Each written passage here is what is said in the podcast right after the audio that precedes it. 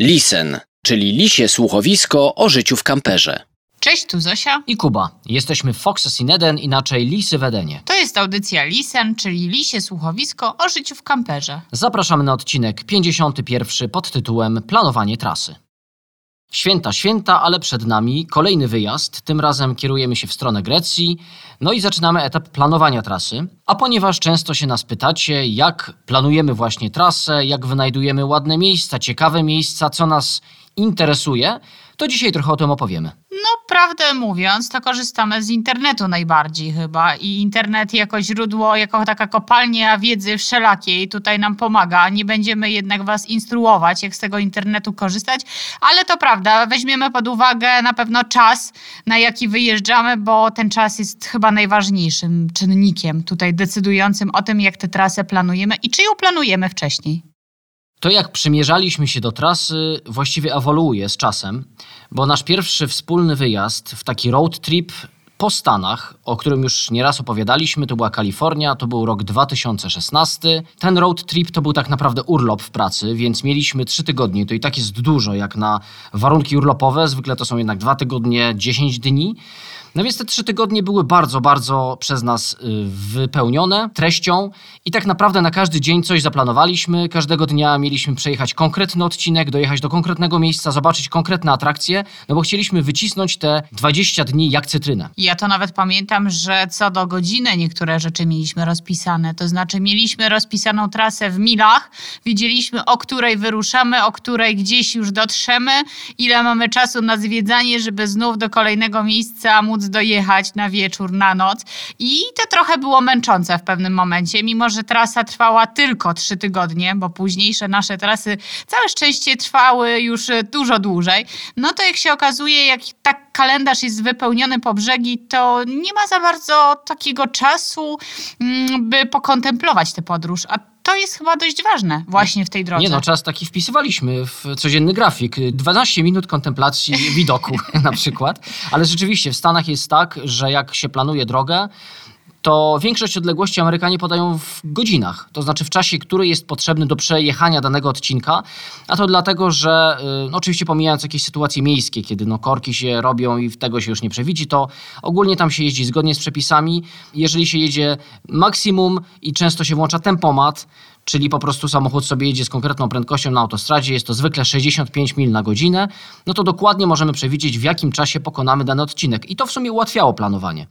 Jeżeli chodzi o samo planowanie tej drogi, to wyglądało to w taki sposób, że najpierw było ogólne założenie objechania Kalifornii dookoła, ale później ja zacząłem bardzo dokładnie sprawdzać mila po mili, czy nie ma po drodze jakichś dodatkowych, mniej znanych atrakcji. I jeżeli się okazywało, że na przykład wystarczy odjechać, nie wiem, pół godzinki gdzieś i coś tam się pojawia, to to od razu wplataliśmy na tą naszą drogę, jak koralik e, kolejny. I przez to naprawdę no, co chwilę coś się odbywało. Co chwilę gdzieś lądowaliśmy, a to jakieś ciekawe jezioro było do zobaczenia, a to może mniej spotykany widok na jakiś kanion. W każdym razie po prostu kawałek po kawałku sprawdzaliśmy, czy czegoś po drodze nie ma ciekawego. Tak czy inaczej to wszystko zrobiliśmy jeszcze w Polsce. Wcześniej to zaplanowaliśmy. Już w samej podróży nie pozwoliliśmy sobie za bardzo na improwizację, e, co się właśnie zmieniło później z czasem, bo jeszcze dwie podobne wyprawy do Stanów odbyliśmy w roku 2017 i 2018. Tamte podróże też były raczej zaplanowane w podobny sposób, jak teraz opowiadamy o tej Kalifornii, ale później, jak już przeprowadziliśmy się do mobilnego domu i nagle okazało się, że wyruszamy bez biletu powrotnego, że nie mamy określonego terminu, kiedy wracamy, no to to planowanie trasy zupełnie inaczej już wyglądało. Przede wszystkim trzeba wziąć pod uwagę, że my rozpoczęliśmy van life, czyli życie w drodze, życie w wanie i właśnie postawiliśmy na to życie, a nie na taką tylko i wyłącznie turystykę i zwiedzanie i to właśnie też determinuje tę naszą trasę. Na początku wyruszyliśmy z jednym konkretnym celem i tym celem była Portugalia.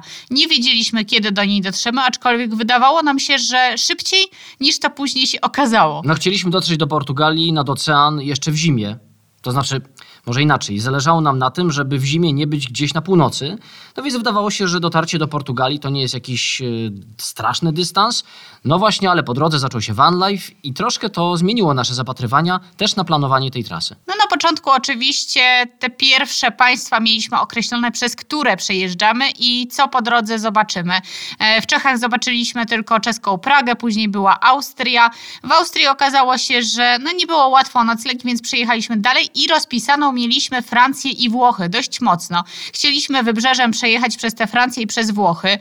No i tych punktów na mapie było fajnych, przyjemnych, ale niestety pogoda dała nam się we znaki i musieliśmy trochę przyspieszyć. Niemniej początek sam tej trasy mieliśmy o wiele bardziej rozpisany niż dalszą część, bo wiedzieliśmy, że chcieliśmy zobaczyć Wenecję, we Włoszech parę takich miast, chcieliśmy zobaczyć Toskanię, która właśnie niestety utonęła w deszczu, więc początek był rozpisany, ale im dłużej żyliśmy w drodze, tym mniej jakby te plany były takie konkretne, tym bardziej y, zaczęliśmy rozumieć, że fajnie jest spontanicznie y, się poruszać.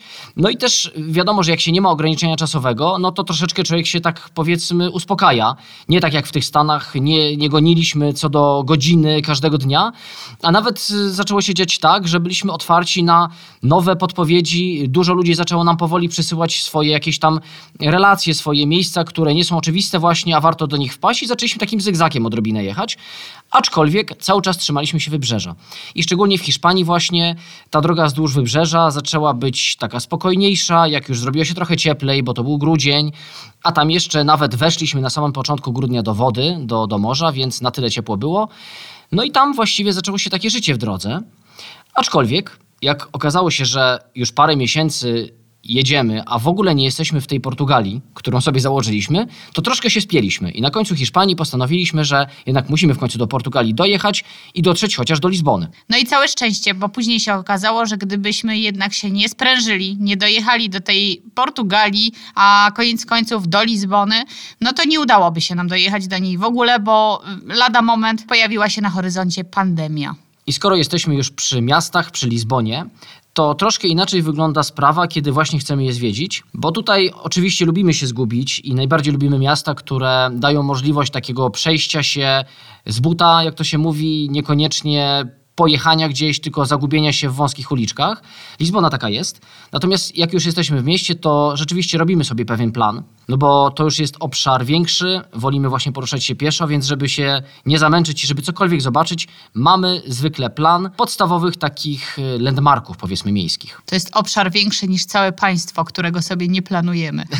tak to trochę zabrzmiało. No ale może, no tak trochę jest, bo w mieście jest skupisko różnych ciekawych rzeczy. Y, Często jednak y, w danym kraju są odcinki, na których są po prostu jakieś tam drogi i, i przestrzenie, ale nie są koniecznie jakieś wyjątkowe, wybitne, chociaż niekoniecznie, nie wiem, brzydkie. To prawda. I też w związku z tym, że my takich wielkich miast nie odwiedzamy aż tak dużo, to już nieraz Wam mówiliśmy, że ze względu na bezpieczeństwo, trochę też ze względu na ekonomię, na to, że no niewygodnie jednak takim kamperem się funkcjonuje w dużym mieście, to pojawiamy się tam rzadko, no to bardziej się skupiamy już na tym zwiedzaniu. Dużo więcej czasu poświęcamy i chcemy tych najbardziej znanych miejsc jak najwięcej odwiedzić. Można powiedzieć, że w mieście się kończy van life, a zaczyna się turystyka dla nas. Dokładnie tak. Można powiedzieć, że naszą trasę dzielimy na etapy. I pierwszym etapem była ta trasa po Hiszpanii i Portugalii. No i tam się trochę snuliśmy, trochę się rozsmakowaliśmy w tym byciu i trochę tak, no nie chcę powiedzieć, że się rozleniwiliśmy, ale może po części tak powinnam powiedzieć, ponieważ właśnie bardziej skupialiśmy się na tym, żeby sobie kilka dni w jednym miejscu być, później zmienialiśmy miejsce o kilkadziesiąt tylko kilometrów, znowu byliśmy kilka dni, no i bardziej właśnie żyliśmy, No ale... tak się napawaliśmy tą zmianą życiową tak naprawdę, bo to była duża zmiana w życiu. Właściwie drastyczna zmiana w życiu. drastyczna zmiana w życiu, ale poczuliśmy, że brakuje nam takiego sprężenia, że trochę jednak za mało wyciskamy z tej podróży i potrzebujemy jakoś więcej doświadczać, więcej poznawać i postanowiliśmy wyjechać na Bałkany.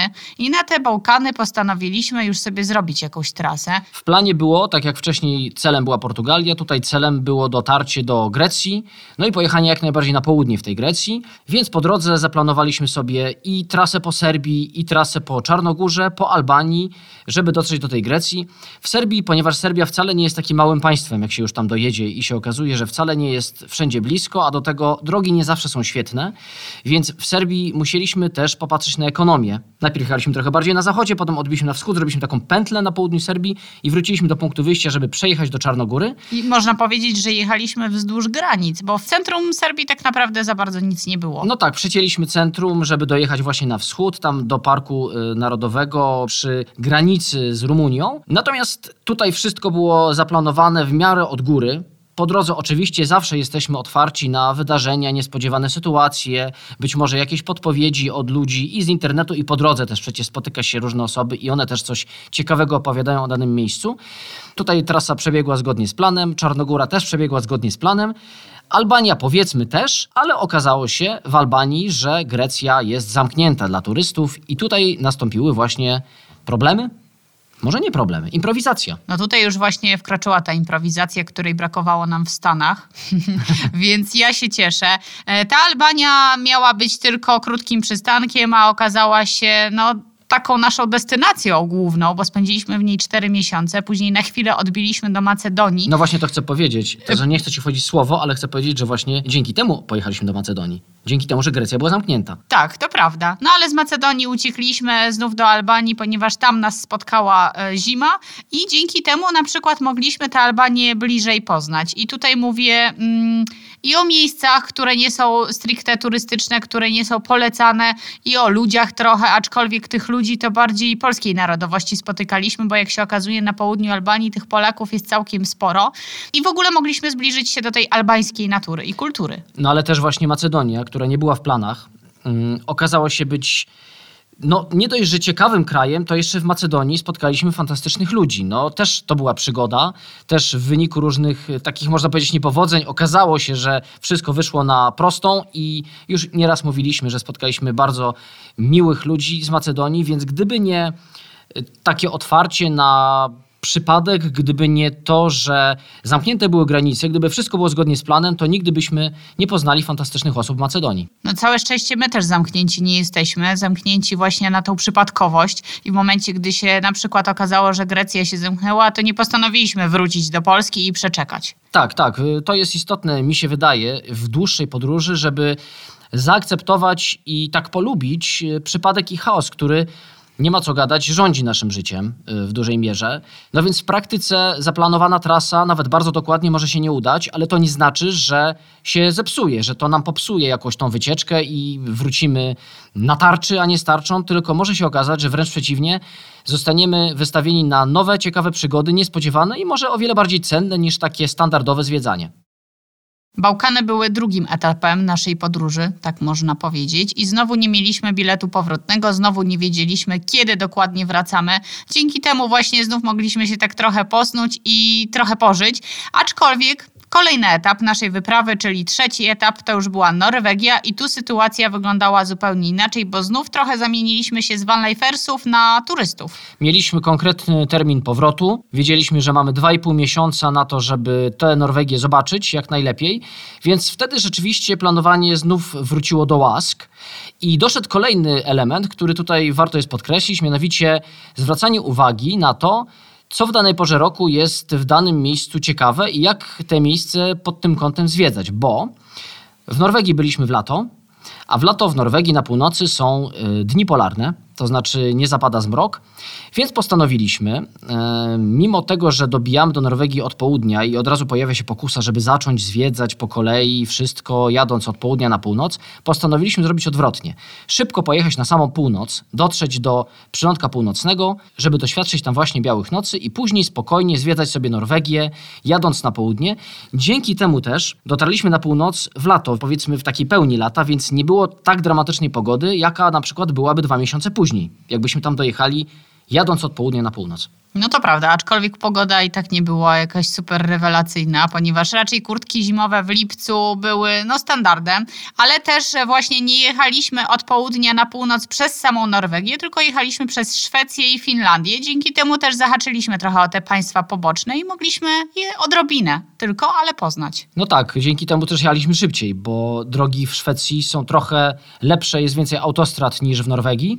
No a przy okazji zobaczyliśmy renifery, na przykład w Finlandii. Ale sytuacja jeszcze bardziej się zmieniła później, jak odwiedziliśmy Estonię. Estonię odwiedziliśmy już będąc na chwilę w Polsce, czyli przez Polskę przyjechaliśmy do Estonii i tam spędziliśmy nasze drugie urodziny podróżowania vanem i tam mieliśmy jedynie 10 dni. Rozpisana Estonia była dzień po dniu tak naprawdę i wiedzieliśmy... Czyli wróciliśmy do podstaw przedwyjazdowych, road trip po Stanach się kłania. Dokładnie. Nie była ta trasa oczywiście stworzona co do godziny, ale co do miejsca była. Ale okazało się, że nie zobaczyliśmy z tej listy nic, bo skupiliśmy się na jednej wyspie, która na liście się nie znalazła. Pojechaliśmy na tą wyspę, bo była po drodze, a okazało się, że zostaliśmy tam przez prawie 10 dni. No bo najwyraźniej, jak jest tylko 10 dni, to człowiek się zamienia w urlopowicza, nawet nie turystę i chce po prostu pobyć. Na samym początku tej audycji powiedzieliśmy Wam, że wiedzę czerpiemy no najbardziej z internetu i tutaj nic się nie zmienia, ale właściwie skąd z tego internetu? To znaczy oczywiście skupiamy się na blogach, vlogach wszelkiego rodzaju i ja bym polecała nie tylko polskie blogi i vlogi, ale też zagraniczne, no bo tej wiedzy jednak tam jest dużo więcej. Mm, Nie skupiamy się już wtedy tylko na jednym państwie, tylko na całym świecie. Na jednym języku w sensie. Na jednym języku też, tylko na całym świecie, na wszystkich językach. E, Opcja jest też tłumaczenia, więc tutaj teraz problemów nie ma, jeżeli nawet innymi językami się nie posługujemy. Ja bym też polecała grupy facebookowe. Tych grup jest całkiem sporo. Grupy związane z podróżami wszelkiego rodzaju, czy samochodem, czy samolotem, czy pieszo, czy autostopem właśnie. I tam naprawdę dużo ludzi dzieli się wiedzą i dzieli się fajnymi miejscówkami wyjątkowymi, niekoniecznie właśnie znanymi i turystycznymi. Ja bym też polecał, jak już mamy z grubsza zaplanowaną trasę, to włączyć sobie widok satelitarny tej trasy i tak się nią przejechać e, przed wyjazdem, bo często, albo nawet w trakcie wyjazdu, bo można trafić na różne dziwne, ciekawe rzeczy, które nas zaintrygują, to cokolwiek, cokolwiek wam wpadnie w oczy, warto jest to zeksplorować, no bo czemu właściwie nie? W końcu po to się jedzie, żeby coś odkryć dla Czyli siebie. palcem po wirtualnej mapie. Dokładnie tak. A ja bym poleciła jeszcze, tak już kończąc, w momencie, gdy jedziecie i jesteście w samochodzie, miejcie oczy dookoła głowy, szeroko otwarte te oczy, bo czasami pojawiają się na horyzoncie gdzieś znaki mówiące o tym, że na przykład jest jakiś punkt widokowy, wyjątkowy, zjawiskowy i warto się zatrzymać albo skręcić tak jakieś 5 kilometrów w prawo, w lewo. My tak na przykład odkryliśmy w Hiszpanii trasę widoków, punktów widokowych, miradorów, która nie była zaznaczona nigdzie w żadnym przewodniku, a okazało się, że były niesamowite widoki na morze, a na końcu czekał na nas najwyższy klif w Hiszpanii, no i z niego również niesamowity widok w towarzystwie dzikich koni. Za chwilę kończy się rok, następny się zaczyna. My planujemy trasę po Grecji. Na razie właśnie bardziej palcem po mapie. Jeszcze żadnych vlogów nie oglądamy, blogów nie czytamy. Myślę, że rozpoczniemy tę naszą działalność w styczniu, a jakoś już pod koniec pierwszego tygodnia stycznia wyruszamy. Więc myślę, że trochę będzie improwizacji w tym wszystkim. Zapraszamy Was do podróży z nami, zapraszamy na nasz kanał na YouTubie Foxes in Eden, zapraszamy na kanał na Instagramie, na profil na Instagramie, o tej samej nazwie oczywiście, ale jak wpiszecie Lisy w Edenie w wyszukiwarkę, to na pewno wszystko o nas Wam tam wyskoczy, a póki co życzymy wszystkiego najlepszego na nadchodzące święta, trzymajcie się ciepło, odpocznijcie i bądźcie zdrowi. Dużo spokoju. Do usłyszenia za tydzień. Do usłyszenia, cześć. Cześć, cześć.